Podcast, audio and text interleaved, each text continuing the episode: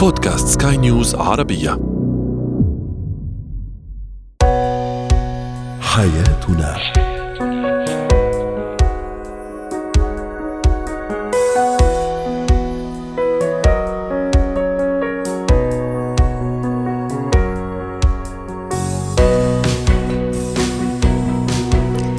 مستمعينا الكرام أهلا بكم معنا إلى حياتنا فضاؤكم اليومي الذي يعنى بشؤون الأسرة وباقي الشؤون الحياتية الأخرى والذي يمكنكم الاستماع إليه عبر منصة سكاي نيوز عربيه dot com slash podcast وباقي منصات سكاي نيوز العربية الأخرى. شاركونا عبر رقم الواتساب 00971 561 886223 معي أنا آمال شاب. اليوم حديثنا عن التحديات الكبيرة التي تواجه الأزواج في سنتهم الأولى من الارتباط. أيضا في فقرة زينة الحياة ما هي أهمية حديث الأم مع الطفل قبل النوم؟ وأخيرا اتيكيت التعامل مع المواعيد. هو وهي. لا شك أن تحديات كبيرة تواجه المتزوجين في سنة أولى زواج ونتعرف إذا في هذه الزاوية اليوم على هذه التحديات وكيف نتغلب عليها وكيف نتجاوزها أيضا سواء بالنسبة للزوج أو الزوجة. للحديث عن هذا الموضوع رحبوا معي بدكتور خليفة المحرزي رئيس المجلس الاستشاري الأسري ضيفنا العزيز. يسعد أوقاتك يا دكتور. أهلا وسهلا فيك. كان هذا سؤالنا التفاعلي دعني أقرأ بعض تعليقات السادة المستمعين. مصطفى يقول إن لم تجد أشياء أو أن تجد أشياء لم تكن في أو المتوقع وذلك بسبب أحلام الحب الخيالية. وهذا يتطلب فترة فترة لبناء حب حقيقي في فترتهم الأولى من الزواج. أيضا تعليق يقول تغيرات السنة تتلخص في أن تتحول الوردة التي كانت تهدى بين الخطيبين إلى شيء آخر يفيد البيت الجديد وتتحول ساعات الغزل الطويلة إلى دقائق وتتحول البوصلتان المختلفتان إلى بوصلة واحدة باتجاه واحد. إذا أدرك كل طرف أنهما في سفينة واحدة وهدف واحد أكيد يعني يتغلبان على كل أمواج هذه التحولات. دكتور خليفة ما هي أبرز التحولات؟ أنا مقبلة على الزواج وأنا في السنة الأولى في الحقيقة من الزواج. كيف لازم أعرف أو أكون مستعدة أو مستعد للتحديات اللي راح تواجهني؟ أول تحدي يواجه كل شريك مقبل على إنشاء علاقة تشاركية الانتقال من دائرة العزوبية إلى دائرة الزوجية. هذا أول تحدي كبير جدا. بالنسبة للرجل التحدي الأساسي هو التخلص من البقايا العاطفية. بمعنى لا يصح أن الرجل يدخل في دائرة زوجية ولديه بعض البقايا العاطفية من العلاقات السابقة التي نشأت ما قبل الزواج في حال وجودها طبعا. آه كثير من التحديات ومن حالات الطلاق التي تحدث كما جاءت وما مؤشرات أو بيانات أسباب الطلاق في محاكم وجود الخيانات الزوجية والعلاقات العاطفية ما قبل الزواج والتي تكتشفها الزوجة وتؤدي إلى انقضاء العلاقة الزوجية، فلا بد من إجراء عملية تطهير وترميم والاستعداد لإيجاد شراكة حقيقية قائمة على الاهتمام والاحترام والالتزام. أما بالنسبة إلى الفتاة فأول تحدي هو التخلص من الاتكالية التي كانت تسير عليه في بيت والدتها. اغلب البنات ما قبل الزواج لا يقومون بدور حقيقي لإدارة مسؤولية المنزل حيث تقبع هذه المسؤوليات على كاهل الأمهات. فلا بد أن تبدأ تتبرمج على إدارة مسؤولية كاملة في المنزل. هذا أول تحدي يواجه جميع الحالات الزوجية. التحدي الثاني هو الجانب المادي. أغلب الأزواج يدخلون في دائرة الزواج وهم محملين ومثقلين بكثير من الديون التي جاءت نتيجة الاستعداد أو تجهيز الزواج. فبالتالي هنا عدم وجود ميزانية واضحة وعدم وجود طريقة الصرف والتبذير وعدم وجود تخطيط واضح للمصروفات الأساسية بين الزوجين وتحديد الالتزامات والضروريات والتخلص من الكماليات هذه مسألة أساسية لأن أغلب الشباب كما تقول الدراسات 72% من الشباب يدخلون في علاقة زوجية وهم مثقلين بالديون. أغلب الشباب ما بعد الزواج يظلون من أربع إلى ست سنوات وهم يسددون الديون. هذه مشكلة. يعتبر صح. يعني تحدي كبير جدا في نشوء علاقة زوجية. التحدي الثالث مسألة التوافق ما بين الطرفين. الرجل عندما يرتبط بامرأة هو يجب أن يدرك لديه خارطة سلوكية مختلفة تماما عن الخارطة السلوكية التي لدى زوجته. تماما. الاهتمامات والرغبات والطباع. والطباع والقناعات والقراءات. عندنا 22 نقطة في التوافق. لابد أن نوجد نسميها الصورة المشتركة ما بعد الزواج من الخطأ أن نعيش على إطارين لكل إطار غير مشترك بين الزوجين. هذا سيؤدي إلى مزيد من الفتوى العاطفية. وربما كمان من التحديات يا دكتور ما أعرف إذا إذا إذا توافقني الرأي ولا لا. أوكي أنا طباعي مختلفة هو طباعه مختلفة وهذا شيء طبيعي. بس أنا أعمل على أني أغير له هذا الطباع أو يغير لي هذا الطباع بدل ما أني أحاول أني أستوعبها وأني أجد آلية مناسبة للتعامل معها أو التعايش معها. نحن ذكرنا بأن كل إنسان لديه خارطة سلوكية مختلفة عن الآخر، لا توجد هناك خارطة متطابقة، لكن الصورة المشتركة أن كل إنسان يحاول أن يتوافق مع الطرف الآخر فيحتاج إلى تغيير بعض الطباع إلى تبديل إلى تحسين إلى ترميم إلى تطوير التجديد نسميه التاءات العشرة لكي أصل إلى الصورة المشتركة مع الطرف الآخر. وهذه مسألة مهمة جدا لأن من أكثر الخلافات الموجودة والتحديات مسألة الصورة المشتركة ما بين الزوجين. هذا التحدي الثالث. التحدي الرابع لابد من إقفال أو إيجاد الحائط السيكولوجي لإدارة علاقة زوجيه بعيدا عن الأهل. كثير من أسباب الطلاق كما تقول الدراسات. 64.2% من أسباب الطلاق المبكر تدخل الأهل وخاصة النساء أكثر من الرجال إما تكون في الأمهات أو بأخوات الرجل أو أخوات الزوجة. لابد من إيجاد نوع من الدائرة أو الحائط السيكولوجي. لا نسمح ولا ننقل أي مشكلة تحصل بيننا إلى منزل العائلة لأن هذا سيقوض من العلاقة، البعض يقول أنا أستفيد من تجربة العائلة، لا نستفيد من تجربة العائلة بوجود شخص مختص في هذا الجانب. تدخل الأهل دائما ما يفضي إلى كثير من المشاكل. جميل. التحدي الخامس هو إيجاد نسميه نحن القاعدة الثلاثية، الاحترام، الاهتمام، الالتزام.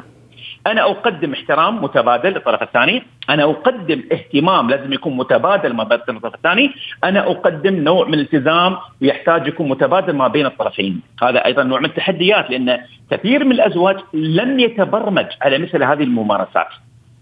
لم يتبرمج وهذا يؤدي إلى ماذا؟ إلى نوع من التقاعس الاتكالية عند الرجال، أغلب الشباب للأسف ما قبل الزواج حتى في بيتهم مع لما كان هذا الإنسان أعزب ما كان يمارس دور حقيقي في العائلة وإنما كان يعيش بطريقة انفرادية بطريقة عجوبيه حياته مركز على ذاته طلعاته جياته سفراته. كذلك البنت لم تمارس دور مسؤولية داخل بيتها وإنما حياتها متركز على ذاتها فمشان هيك موضوع التشاركية أو التشارك أو التقاسم فراح يكون عندهم تحدي. الالتزام لازم يكون في نوع من التبادل ما بين الطرفين حتى نستطيع أن نحصل على على علاقة مستدامة إيجابية ومستقرة ما بين الطرفين.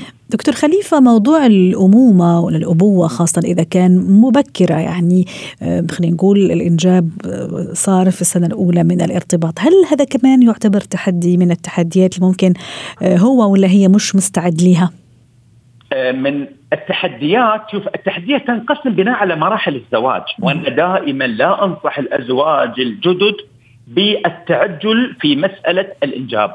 خاصة إذا كانت علاقة جديدة. نحتاج على الأقل إلى السنة الأولى أن نوجد المزيد من التآلف والتعارف والتواصل ما بين الزوجين. ثم نبدأ نخطط لمسألة الإنجاب. أما أني أنا أستعجل من الشهر الأول أو الشهر الثاني والعلاقة لم تصل إلى مرحلة من الاستقرار أو الاستدامة سنؤدي إلى كثير من الخلافات الموجودة. الأبناء دائما كثير نحن نقول كثير الأزواج. الأبناء لا يحجبونكم من الوصول لحالة الطلاق، الكثير من الحالات أيوه هذا اللي كنت راح أقول لك هالنقطة. في البعض يقول لك لا إذا أنجبنا يمكن هذا راح يوطد العلاقة أكثر. زي ما تفضلت أنت نصائح الأهل أحيانا. فيمكن هذه كمان يعني تؤثر.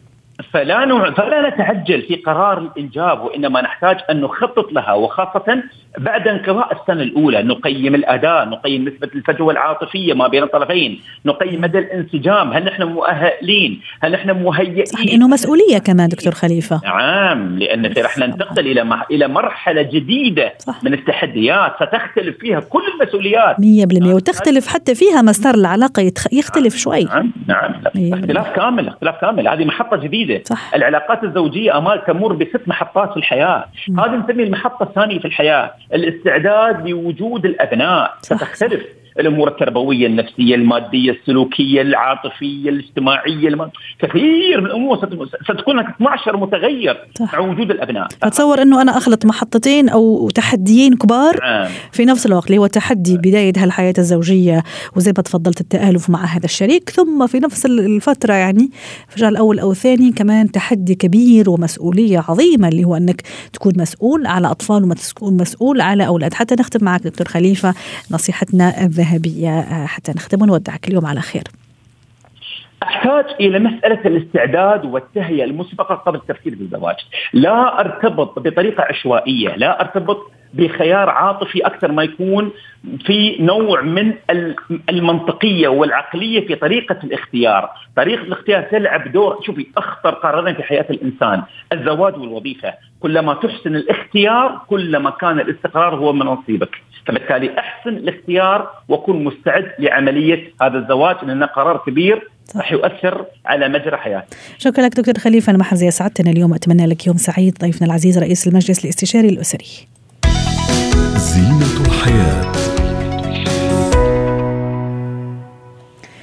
تعتبر فترة ما قبل النوم من أهم الأوقات الجميلة في يوم الطفل. يتسنى للأم التواصل مع طفلها والحديث معه في جو يشعر فيه الطفل بالأمان بالحنان وبالحب بالإضافة إلى الاسترخاء والتسلية. دعونا نتعرف بشكل أعمق وبشكل تربوي آه، على أهمية حديث الأم آه، مع الطفل قبل النوم. وهل فقط يقتصر الموضوع على الأم ولا لا ممكن يشاركني الموضوع الأب. رحبوا معي بندى شاهين اختصاصية نفسية وتربوية ضيفتنا العزيزة. مساء الخير أستاذة ندى. كيف تشوفي أهمية الحديث مع الطفل قبل النوم؟ هل يجب أن يكون فعلا بشكل يومي ولا حسب حاجة الطفل ولا حسب أنا كمان وقتي واستعدادي؟ أحيانا أكون تعبانة أحيانا أكون مرهقة. كيف تشوفي أهمية هالموضوع أهلا بيكي مساء النور. أهلا وسهلا. أهلا. الموضوع ده فعلا من أحلى المواضيع وبشكرك على اختيارك الموفق لي.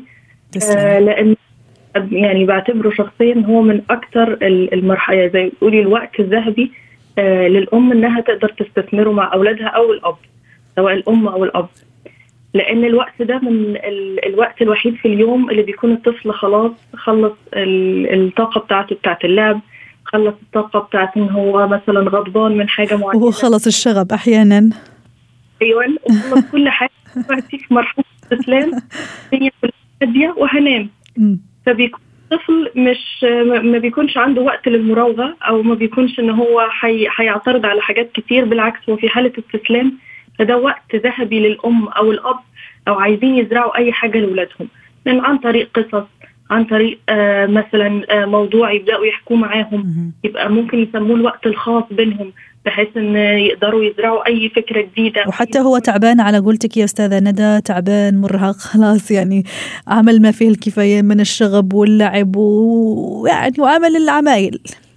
فحتى بهيك يعني تعبان إذا بدي أنا أزرع له أي فكرة زي ما تفضلتي حضرتك هذا يعتبر وقت ذهبي ووقت مناسب. نعم حيكون لأن هو دلوقتي انتباهه كله موجود معاكي.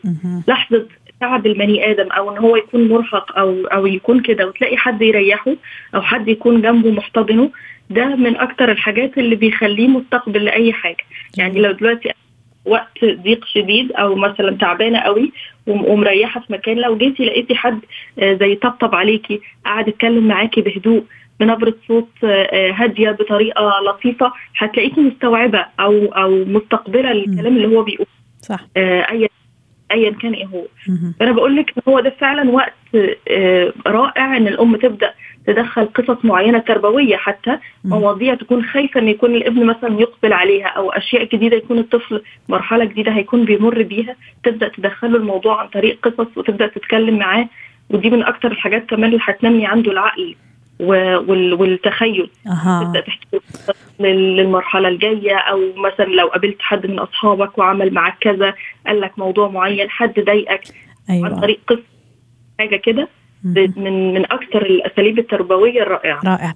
حضرتك كذا نعم تحكي أستاذة ندى على موضوع إني أزرع أفكار معينة أزرع سلوكيات معينة لدى طفلي. كمان هل هالفترة يمكن كثير أمهات يعني يشاركون الرأي اليوم ويمكن كمان حضرتك أستاذة ندى هالفترة الذهبية كما سميتها حضرتك كمان فرصة لأتقرب منها لابني أو يتقرب أكثر مني بمعنى ممكن يقول لي شو شو خاف أو شو الشيء اللي خاف منه اليوم؟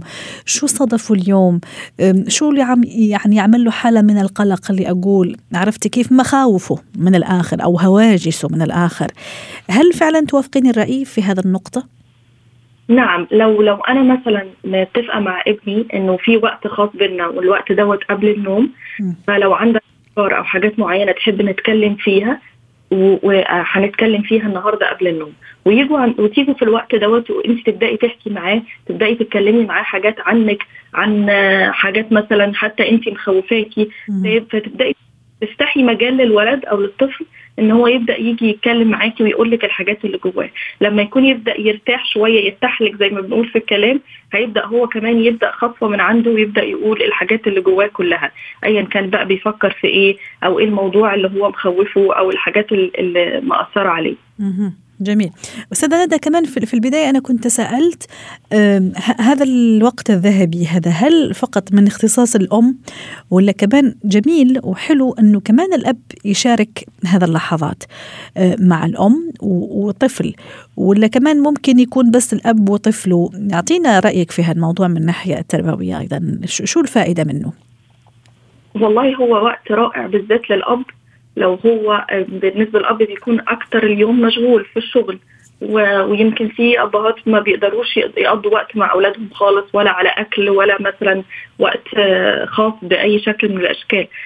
فوقت قبل النوم ده فرصة رائعة إن يبدأ الأب حتى ولو مرة في الأسبوع مرتين في الأسبوع يكون ده روتين إن هو هقعد مع ابني في الوقت ده ويكون الطفل عارف إن ده موعد القصة بتاع بابا وده موعد الوقت الخاص بتاع بابا معايا.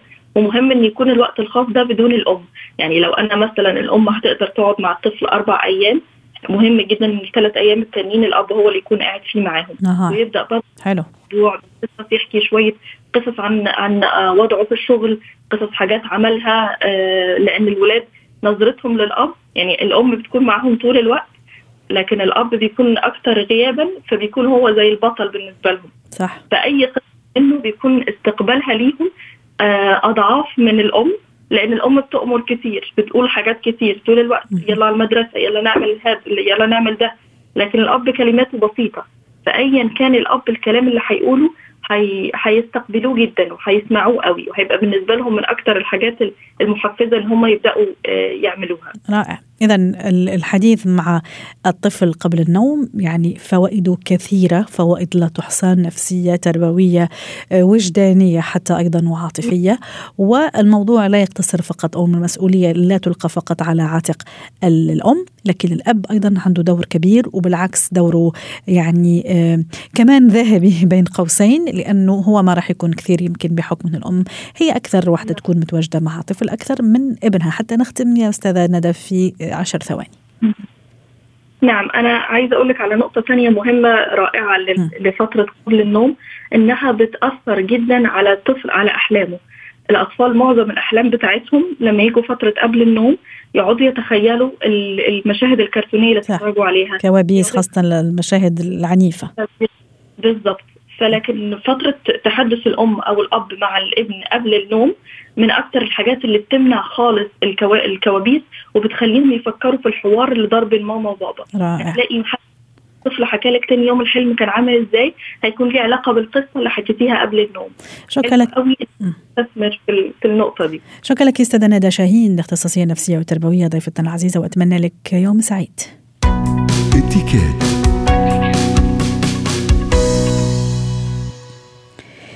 البعد عن الالتزام بالمواعيد آه، يؤثر في صورتنا وفي آه، صورتنا تجاه الآخرين أو نظرة الناس لينا وأكيد يخل بقواعد الاتيكيت. اليوم سنتعرف ونتحدث عن كيفية تحديد موعد بطريقة لبقة وأيضا كيفية إلغاء موعد ما بطريقة لبقة رحبوا معي بوفاء جواد الشطي مدرب المعتمد في فن الاتيكات والتواصل ضيفتنا العزيزة من الكويت. يسعد أوقاتك أستاذة وفاء. متى آخر مرة حددتي فيها موعد أو طلبتي فيها موعد أو اعتذرتي عن موعد؟ أمسي عليك بالخير وعلى الساده المستمعين حبيبتي. والله شوف المواعيد دائما طول ما إحنا على قيد الحياة هناك الكثير من المواعيد والكثير من الجداول عسى عمرك طويل يا رب حبيبتي وياك ففعلا مثل ما تفضلتي يعني. بس ما قلتي لي متى آخر مرة أعطيتي موعد ولا اعتذرتي؟ والله الحين رايحه موعد يلا حتى ما ناخرك خلينا نحكي وخلينا نبتدي في ال في ال في, ال في اللقاء. أعطيني يا أستاذة وفاء إذا أنا بدي أحدد موعد مع شخص محدد. ويمكن تختلف كمان إذا مع صديقة يعني بتمون علي أمون عليها ولا إذا موعد رسمي. شوفي المواعيد الرسمية يعني مثلها مثل المواعيد الأخرى. الالتزام جدا مهم مثل ما تفضلتي في بداية الكلام وأثرت إن هذا يعني يعبر عن شخصيتنا احترامنا للآخرين من احترامنا للمواعيد، أنا دائما لازم أحط في بالي وبالذات المواعيد الرسمية إن هذا الشخص لما يعطيني موعد هناك سلسلة من جداول المواعيد التي تكون في انتظاره. فأنا لازم ألتزم في موعدي، لازم ألتزم في وقتي بحيث إني ما أعطل الشخص اللي استقبلني اللي هو المضيف ولا أيضا أعطل الناس الآخرين. صديقاتي نفس الطريقة لأن أكيد هي مرتبة يومها إذا أبي أتأخر المفروض إني أبلغ إنه يا جماعة أنا أبي أتأخر عشر دقائق ربع ساعة maximum هذا ال maximum إن أنا أبي أتأخر ولكن في المواعيد الرسمية التأخير أكثر من خمس دقائق غير مقبول نهائيا. حتى وإن كان بعذر كبير مثلا يعني قصدي عذر يعني يعني طارئ بس يعني عذر عذر يعني. حادث مثلا أو إيه؟ إذا كان عذر كبير هني يتفهم. والأفضل إني ألغي الموعد. أه. عشان حتى لما أروح أكون يعني في تركيز وذهن صافي.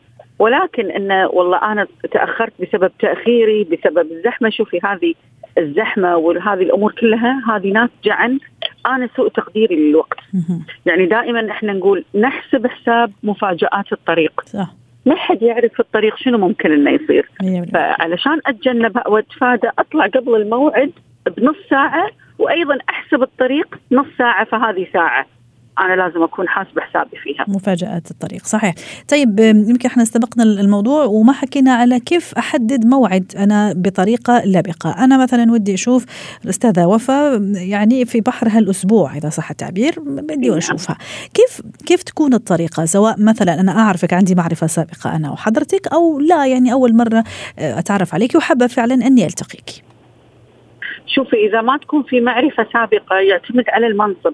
إذا كان منصب يعني وفي عنده سكرتارية الأفضل إني أتواصل مع السكرتارية وأيضا أحدد الوقت وأحدد الموضوع اللي أنا أبي أتكلم فيه وأحدد إذا كان في معاي أشخاص آخرين يحضرون الاجتماع ولا أنا فقط. تمام.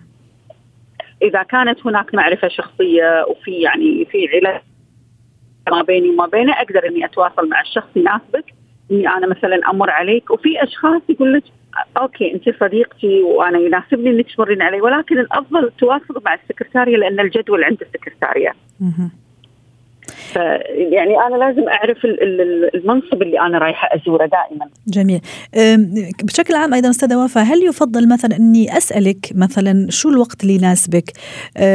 هل كمان يفضل إني أو أخيرك مثلا بين موعدين متباينين خلي أقول مثلا شو رأيك نلتقي السبت مثلا على الغداء ولا إذا مش مناسب خلينا الاثنين مثلا على على جلسة شاي، يعني قصدي هل كمان هذه الطريقة ممكن تريح الطرف الآخر وتعطيه حرية الاختيار؟ كثير كثير. بالعكس يعني هذه الطريقة يبين إن أنا إيش كثر فلكسبل ومقدره ظروف الشخص اللي قدامي. فدائما يعني مع الأصدقاء والمقربين إحنا نعطي خيارات.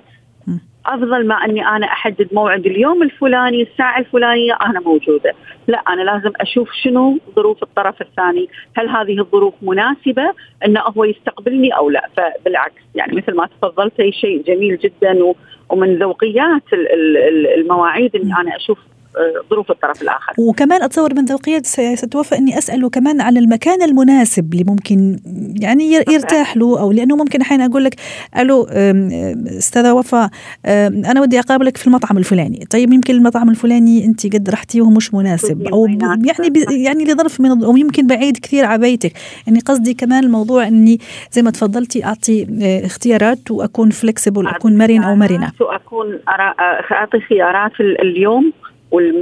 والساعة وأيضا المكان إذا كان في مطعم الكوزين هل هذا الكوزين مناسب لهذا الشخص أو لا وأيضا أراعي الأسعار يعني أنا هم ما أقدر إني أنا أتفق مع صديقتي إني أنا أبي أروح مطعم معاها وهذا المطعم أسعاره غالية قد تكون صديقتي ما عندها القدرة على إن هي تتحمل يعني هذه التكلفة وأنا ما أبي أسبب لها إحراج. ملاحظة في محلها صحيح. أي نعم وأيضا حتى إذا مثلا أبي أعزمها على سينما أو أبي أطلع معاها سينما لازم أعرف هل هذا الفيلم مناسب هل هي تحب هذه النوعية من الأفلام ما أي أحرجها إن أنا يلا حجزت تذكرتين وخلاص إحنا لازم نروح. واضح.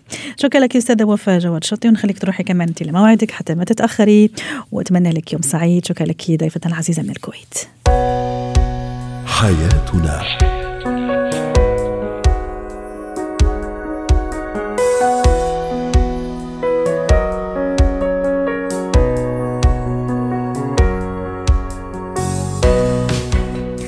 ختام حلقة اليوم من حياتنا. شكرا لكم وإلى اللقاء.